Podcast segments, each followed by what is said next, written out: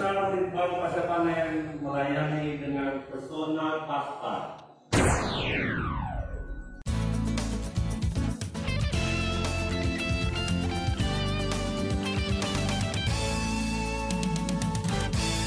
Oke, Assalamualaikum warahmatullahi wabarakatuh. Bertemu kembali bersama Dani Medio di segmen Pesona Paspa yang akan membahas tentang bagaimana informasi teknologi pasca panen. Ini adalah segmen kedua nih. Kemarin adalah segmen perkenalan ya, dan langsung dari Kepala Balai Besar eh, Penelitian dan Pengembangan Pasca Panen. Segmen kedua, eh, Pesona Paspa ini akan menampilkan seorang peneliti yang berpenelitian bagaimana ketika gula pasir atau gula alternatif. Tapi bahannya eh, potensi di teman-teman di sobat tani itu nggak susah yaitu dari singkong. Singkong? Kok bisa dari gula ya? Nah nanti kita akan cerita bersama penelitinya dari Balai Besar Penelitian dan Pengembangan Pasca Panen Agus Budianto STP MSC. Kita temui beliau di podcast Pesona Paspa Pertanian dan Teknologi. Nah, sekarang saya sudah bersama Pak Agus Budianto STP MSC, peneliti dari Balai Besar Penelitian dan Pengembangan Pasca Panen, Badan Litbang Pertanian, Kementerian Pertanian. Pak Agus, Assalamualaikum Pak Agus. Waalaikumsalam warahmatullahi Pak Wah. Dani. Ya, saya Dani Pak Agus. Saya eh, seorang penyuluh pertanian yang bekerja di Balai Besar Pengkajian dan Pengembangan Teknologi Pertanian Badan Litbang Pertanian. Kita sama-sama Badan Litbang Pak Agus ya. Baik Pak. Wah. Alhamdulillah. Jadi Pak Agus peneliti di BB Pasca Panen ya biasa kita menyebutnya BB Pasca Panen Sobat Tani. Nah ini Pak Agus di segmen kedua ini Pak Agus saya ingin eh, ngobrol nih Pak Agus tentang bagaimana mengatasi misalnya mengatasi dalam arti gini. Saya baca eh, di artikel Pak Agus ada Kenapa Pak Agus membuat penelitian membuat gula dari bahannya singkong, tapi singkongnya patinya Pak Agus ya? Iya. Pak Agus bisa cerita nggak kenapa Pak Agus memilih ini dan eh, bahannya dari singkong ini? Baik Pak. Terima kasih eh, Pak Dani Ya. eh, atas kesempatannya. Jadi eh, sebagaimana kita ketahui sebenarnya sumber bahan gula di Indonesia sangat banyak sekali. Banyak ya.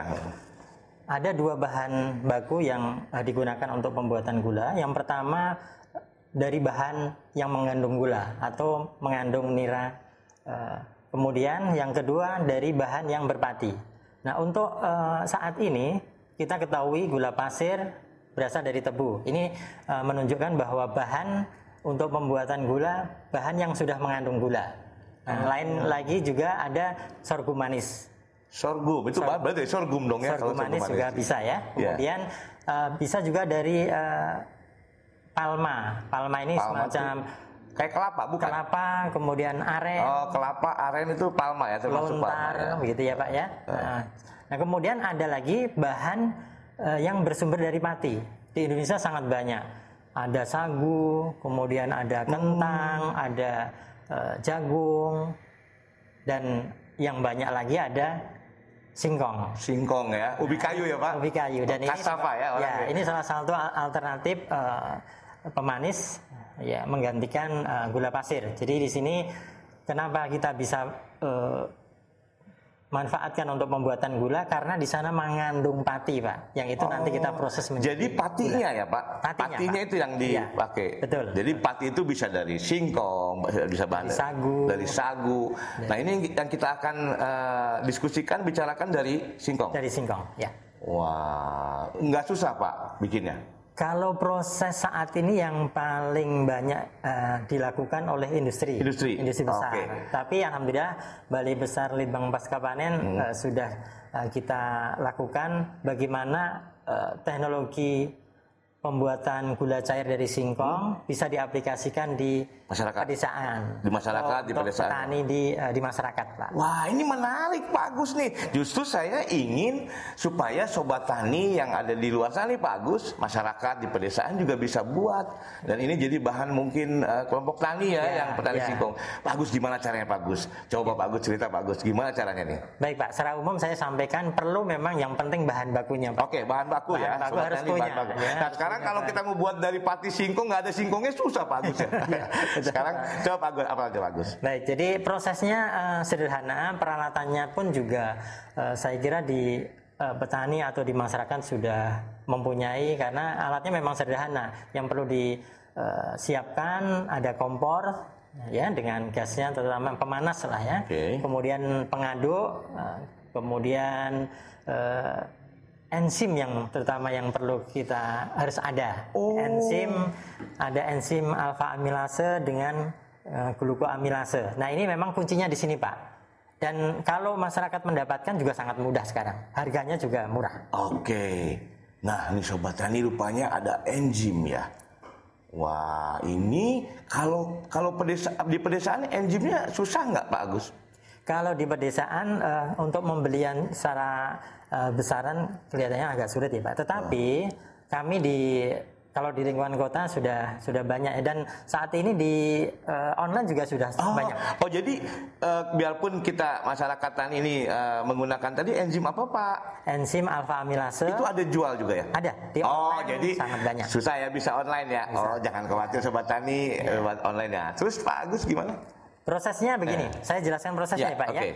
Jadi pertama kali eh, kita siapkan pati ubi kayu atau pati singkong satu kilo, kemudian ditambahkan air, Mm-mm. kita aduk ya, kita aduk, kemudian kita aduk sampai homogen, baru ditambahkan satu mili alfa amilase. Itu tadi enzim tadi ya. Ya, enzimnya satu mili per kilo. Jadi kalau misalkan kita bikin eh, tiga kilo hanya 3 mili. Oh, jadi kita bahan bakunya siapkan pati ya, pati Ya, singkong pati kita. atau pati, pati singkong, Ya. kemudian Ditambah air satu banding air. tiga pak. Satu banding tiga, Ya. tambah air satu banding tiga. Ya, satu kilo eh, pati ditambah 3 liter air, kemudian ditambahkan satu mili Enzim tadi. enzim alfa amilase. Kita Oh. aduk, Diaduk. ya, kemudian dipanaskan. Nah, diaduk setelah dicampur itu diaduk. Ya. Kemudian diaduknya sampai larut ah, sampai menyatu gimana? Ya, sampai eh, tidak ada endapan. Karena kalau Sampai- misalkan air nanti dicampur dengan pati ubi kayu, didiamkan mengendap pak. Aduk dulu. Oke, berarti sampai tidak diaduk sampai tidak ada endapan. Ya, betul. Ya. Wah, ini sobat tani harus harus bisa ini itu paling penting, Pak ya. Penting pak. Jadi sebelum kita panaskan, nanti- ya harus teraduk dulu. diaduk. Nah, makanya tadi saya bilang diaduk terus dipanaskan. Tapi aduknya ini berapa lama? Artinya harus sudah tidak ada endapan baru selesai. Ya, saya kira cepat Pak kalau untuk eh, untuk pengadukan. Jadi kita bisa eh, lihat eh, di bawah ada ada endapan atau tidak. Kalau tidak ada, selesai. Siap, Ya, berarti. siap dipanaskan. Siap, dengan catatan supaya kita eh, tidak terjadi kesulitan pada proses, ditambahkan enzim langsung 1 mililiter alfa amil Nambahkannya ketika pada saat pengadukan saja Pak. Oh, udah nyatu ya, oke. Ya, karena nanti kalau misalkan ditambahkannya pada saat kita memanaskan kita kelewat menjadi lem, Pak. jadi kayak lem ya, Lem, jadi ya. lengket ya. Ya. Oh jadi oke setelah selesai diaduk tidak ada endapan dicampur dengan udah dicampur enzim ya semuanya baru dipanaskan. dipanaskan. Ada dua enzim, Pak. Ini enzim baru enzim yang pertama. Itu pada enzim pertama itu yang am- pertama. alfa amilase itu eh, pada waktu pengadukan. Ya, pada saat pengadukan yang pertama Nah. dipanaskan sampai mendidih. Di setelah diaduk kemudian eh, dipanaskan sampai mendidih. Sampai mendidih, kemudian Wow. sampai terjadi warna coklat jernih. Ya, itu tandanya Wow. artinya patinya sudah terhidrolisis oleh enzimnya berubah menjadi eh, dextrin namanya. Wow, itu berarti eh, sampai mendidih sampai eh, berwarna Coklat jernih. Ya, coklat sampai coklat jernih. tapi jernih ya gitu. jernih. Artinya di- masih ada. Ya, jadi eh, warna-warna putih eh, bintik-bintiknya diusahakan sampai hilang.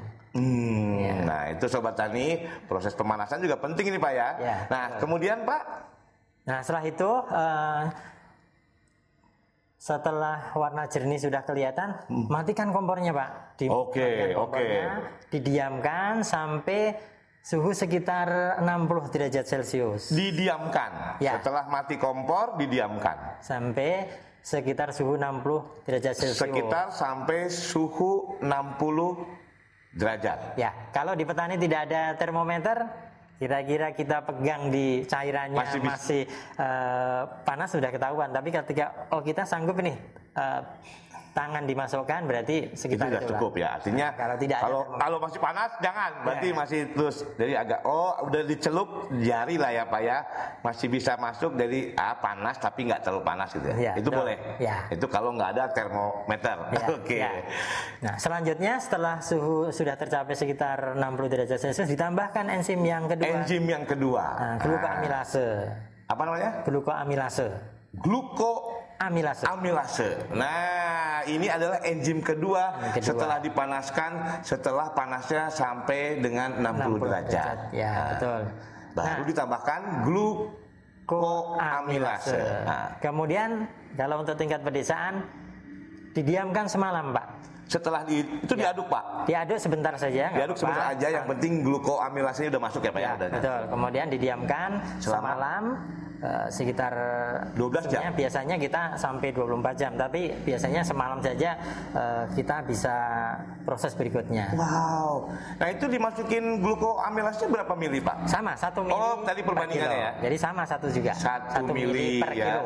Ya, Satu. Satu mili per kilo. Satu mili per kilo tadi ya. Ya. Betul. Wah. Nah setelah dimalamkan semalam besoknya Eh, hari berikutnya itu dimasukin ke wadah seperti apa Pak? wadahnya dengan tempat yang sama nggak masalah. Enggak maksudnya wadahnya wadah apa kayaknya Pak? Wadahnya Ember atau bisa karena na- tadi memang di kompor pakai panci? wadah panci. Oh iya ya, karena tadi didiamkan oh saja. maaf, Ya. karena di panci ya itu tetap di situ ya, Di di, situ panci saja, yang dipanaskan itu ya, nggak nggak usah dirubah, dipindahkan dulu ya Ah, nggak? tidak usah, Oke, usah. jadi di panci itu sobat tani yang tadi tempat ngerebus tadi pak ya, Ya, yang tempat panaskan tadi. Ya, betul. Nah itu didiamkan semalam, kemudian ditutup nggak pak? Tidak usah ditutup. Tidak usah ditutup, wah aman ya? Aman, aman. Nanti kalau ada cecak masuk nggak pak? ya ini ini kan tergantung tempatnya ya. Oke, Kalau ya. tempatnya bersih kemudian kondisi aman ya. Kalau ditutup juga nggak apa-apa Pak. Ditutup nggak apa-apa ya? Nggak usah Biasanya- dirapetin ya? Biasanya kalau memang ada cicak dan sebagainya ditutup lah. Takutnya gitu pak. Kata cecak teh, "Hmm, manis nih, dan nyemplung dia. Oke, boleh ditutup, boleh tidak sebetulnya pak ya. Ya, ya. Oke, setelah itu pak di, eh, Nah kemudian semalam kita eh, Hmm. diamkan, kemudian kita panaskan kembali Pak. dipanasin lagi. Nah, ditambahkan biasanya kita tambahkan arang aktif. Oh, jadi sebelum dipanaskan ditambahin dulu arang aktifnya Ya. atau sambil dipanaskan Ya, sambil dipanaskan tambahkan arang aktif. sambil dipanaskan tambahkan arang aktif. aktif. Ya, arang aktif itu sekitar- kayak apa sih pak? Arang aktif eh, sebenarnya kalau untuk bahannya di pasaran cukup banyak ya. Nah, tapi intinya kalau arang aktif itu bisa berasal dari batu bara, batu bara, bara Hmm. kemudian juga bisa dari batok kelapa. Tapi memang sudah diaktifkan sehingga eh, Oke. kita tinggal beli saja. Itu alternatif kalau eh, memang lebih jernih pak. Tapi Hmm. kalau sama sekali tidak ada di lapangan, tanpa itu juga nggak masalah. Oh, Ya. jadi ada opsional ini pak ya. Jadi ya. bisa ditambahkan, bisa tidak. Ya betul. Kalau ada ditambahkan lebih bagus. Ya, karena memang di pedesaan kadang untuk mencari arang aktif sulit kan Pak. Ya sudah. Ya, oke. Tanpa arang aktif nggak masuk. Oke, setelah pagi itu kalau dia udah misalnya kalau kalau nggak ada arang aktif terus di selesai. Tanpa arang aktif nggak apa-apa. Ah. Panaskan ya Pak ya. Panaskan mendidih. lagi. Sebenarnya pemanasan sampai mendidih ini hanya untuk mempercepat pada saat penyaringan. Nah kita siapkan sebenarnya eh, kita beberapa Kain. eh, kain yang kita coba ternyata kain yang tebal yang cocok Itu untuk kain seperti apa, Pak? bahan jin Pak ya. Oh, bahan kain jin. bahan jeans Bahan banyak jin. itu dijual, Pak ya. Banyak kalau di Atau- di beberapa Itu untuk saya- nyaring. Ya untuk penyaringan. Jadi Eh, tadi dipanaskan Pak ya sampai Mendidih, mendidih, kemudian- kemudian, disaring pakai kain yang tebal. Mendidih matikan dulu kompor dong, Pak. Oh ya, Nah, matikan matikan kompor selama ini. Itu Kemudian, didiamkan lagi. Enggak, langsung disaring eh, ini Pak. Oke, setelah mendidih dimatikan, langsung disaring. Nah, di- kita siapkan siapkan wadah. wadahnya dulu untuk nyaring. Nah, ini Wadahnya itu dari apa, Pak? Eh, kalau bisa stainless lah. Oh, kalau bisa stainless ya, Ya, ya. untuk eh, karena disaring nih Pak ya. Ya, disaring. Nah, stainless atau kemudian disaring sampai berapa kali saring? Kalau eh, penyaringan sekali saja. Sekali saja, Ya, oke. jadi tadi pemanasan tadi eh, untuk mempercepat eh, penyaringan. Kalau kondisi dingin biasanya lebih lama. Oh lama karena itu agak kental kali? Sudah eh, sudah terbentuk gula kan, Pak. Jadi Oke, kalau eh. dipanaskan eh, selama ini pengaman kami lebih cepat. Ya. Pak itu dingin dia berbentuk gula arti kental atau jelly belum, gitu belum. Pak? Itu kalau di eh, ukur breaknya masih sekitar antara 20-an derajat break. Nah makanya nanti prosesnya eh, kita lanjutkan lagi ya. Kita panas setelah kita saring. Saring, Nah kemudian Hasil saringannya? itu kita panaskan sampai panaskan lagi. panaskan la- lagi pengentalan namanya atau evaporasi. Hmm, evaporasi. Ya pengentalan biasa Hmm. saja sampai eh, manis yang kita inginkan. Kalau biasanya kalau misalkan kita di lab ya kita pakai refraktometer Heeh. sampai break sekitar 70-an derajat. Bentar Pak, ini kan tadi habis disaring nih, Ya. disaring di wadah kan ya Pak ya? Ya. Wadah kemudian kita panaskan lagi, ya kan? betul, ya. Panaskan lagi dengan panci Dengan panci. yang lain ya boleh ya. Ya. Hasil saringan itu dipanaskan lagi dengan panci yang bersih ya, Ya. sampai mendidih. sampai mendidih. Ya. Habis- Habis setelah itu habis mendidih, Nah itu nanti ini pak eh, proses terakhir tadi kan pak Hmm. ya itu dikentalkan sampai eh, sampai kental. Jadi kalau itu sambil kompornya nyala. ya nyala tapi nggak ini artinya di diusahakan Oh, itu pada menguap, proses- penguapan saja pak. Eh, penyanyi itu menguapkan itu ntar jadi kental Pak ya? sampai air keluar sebenarnya itu kan tergan eh, di sana ada ada gula ada, Ada air. gula, jadi airnya yang kita yang uapkan. keluar tuh airnya, Airnya. dipanaskan pak ya jadi panasnya jangan terlalu ya kompor kecil pak ya pak Kecil, Tidak kecil, panas jadi sampai itu diaduk pak penting. Kalau untuk mempercepat eh, lebih baik diaduk. oh diaduk Ya, sehingga nanti cepat. itu uapnya keluar Ya. dan sampai kental Ya, betul Pak. Karena mungkin saya sedikit jelaskan Hmm. untuk proses pembuatan atau evaporasi ada beberapa atau untuk mengeluarkan air dari eh, dari gula bisa dengan evaporasi Pak, evaporasi vakum Hmm. Ya. bisa, bisa juga dengan eh, kompor kalau di pedesaan pakai kompor lah cukup atau bisa juga dengan pengiringan oven. Nah, itu nanti karakter eh, produknya berbeda-beda. oh Nah, kalau misalkan pakai kompor, ya inilah warnanya pasti agak lebih eh, Coklat. apa ya, lebih coklat karena Ah. memang proses karamel. Kemudian kalau pakai oven karena suhunya sekitar 50 60 dia akan jernih seperti ini, Pak. Akan jernih ya. Sedangkan pakai evaporator karena panasnya lebih tinggi ya sekitar 50 60 tetapi pakai vakum warnanya memang eh, lebih bagus dari lebih kompor. jernih ya lebih Nah, lebih jernih dari kompor tapi eh, di bawah dari oven. Oke. Cuman kalau oven perlu waktu yang lama pak. tapi ini kan kita kan sobat tani ingin di pedesaan nih pak ingin Ah, coba ya. kelompok tani kelompok wanita tani kali ya betul. Kalau ini cukup dengan peralatan rumah tangga. Iya. Pak. Jadi usah Heeh. jauh-jauh. Jadi setelah kental itu pak sudah pakai kental udah selesai itu. Sudah selesai. Jadi eh, kentalnya kalau kami kita ukur biasanya breaknya sekitar 70 derajat break. Tapi kalau di tingkat pentani, Gimana Hmm. pak wah kita? ada kental kan? Oh ini udah Nah, kental ini udah kayak sirup misalnya. kelihatan agak lengket sedikit Lengket gitu ya. itu. Boleh, Pak. Udah selesai, Pak, ya? Ya itu sudah selesai. Nah barulah dikemas Baru dikemas. di botol-botol gitu. Betul betul betul. Ya. Wah itu selesai gitu ya? Selesai pak. Itu namanya gula Ya. pati apa? Gula cair singkong. Gula cair dari pati singkong ya. Oh. Ada pertanyaan lagi sebenarnya di beberapa petani. Ada yang pengennya pengen jadi tepung pak. Nah itu iya kalau jadi tepung gitu juga gula pak ya? Ini sama juga sama ya gula gulanya Prosesnya tepung. beda. Prosesnya eh, sedikit berbeda pada saat pemanasan pak. Kalau Dari yang awal sama. awal sama. Terus begitu pemanasan ke berapa nih? Ini kan ada tiga kali pemanasan tadi. pemanasan terakhir ya pak ya pada Terakhir. saat evaporasi. Hmm. Nah kalau misal ada beberapa ada dua cara. Yang pertama ketika suhu eh, breaknya sekitar 75 Hmm. atau 80 Kentalnya? ya kemudian disebar pak di nampan. Nampan? Ya, nampannya di alas nggak? Ya nampan nggak usah nggak apa-apa. Oh nampan yang itu kayak yang- bikin kue itu ya? Ya, ada betul. Kayak apa? Kayak dari aluminium Ya atau betul. dari eh, Kemudian semalam, semalam, Semalam diamkan. diamkan. Ya itu kan. kan berkerak tuh pak, ya, nah itu ya. nanti dalam bentuk seperti ini pak. hasilnya. Eh, coba lihat pak. Ya, ini nanti tinggal ditepungkan saja. Wah, ini tinggal tinggal tepung ini pak ya. Ya, nanti tinggal digerus ditepungkan. Digerus tepung, ini manis pak. Manis. Wah, sobat tani. Wah, ada juga yang pengen seperti ini ya. Ya, Kalau yang cair pak, Kalau cair ini eh, tadi saya proses pakai oven pak, jadi warnanya memang oh jadi emang jernih ya. lebih jernih. Karena suhunya eh, rendah, kemudian pakai blower pak, Ya ya. sehingga proses karena, pemanasannya nggak terlalu. karena bapak udah di lab, udah alatnya bagus. Ini kan buat yang tadi Ya, boleh, ya, Pak. ya. walaupun ntar warnanya nggak seperti ini pak ya, tapi Ya. itu dari gula. Ya, ya. Makanya saya kalau ke kafe-kafe pak, Hmm, gulanya selalu gula cair dikasih ya sama sama eh, restoran, kafe Ya, itu mungkin ya. itu dari dari pati juga ya buat itu salah satu keunggulan kenapa gula dalam bentuk cair ini eh, penyajiannya lebih praktis kan Pak ya. Ya, Kemudian praktis. kalau misalkan suhu minumannya rendah pakai gula pasir harus diaduk. Hmm. Aduk ya. dulu. Kalau ini kan cepet-cepet dia apa Ya. larutnya dengan Ya, ini kan langsung larut dalam posisi dingin atau panas kan langsung Wah. aduk gitu.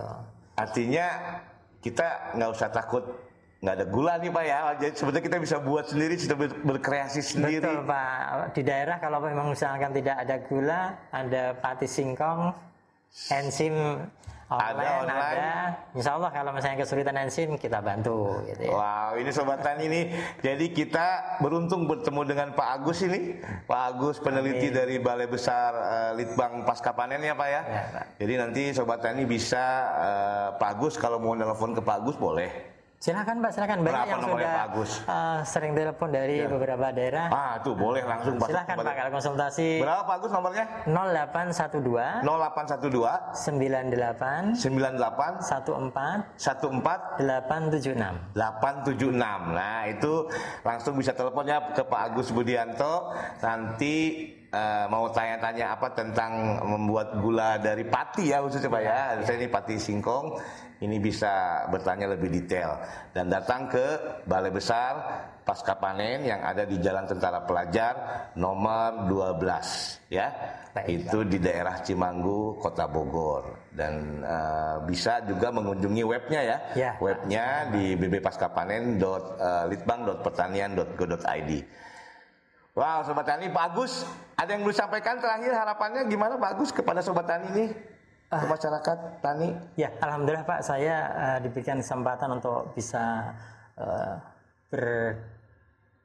berinformasi yang kita sampaikan ke petani.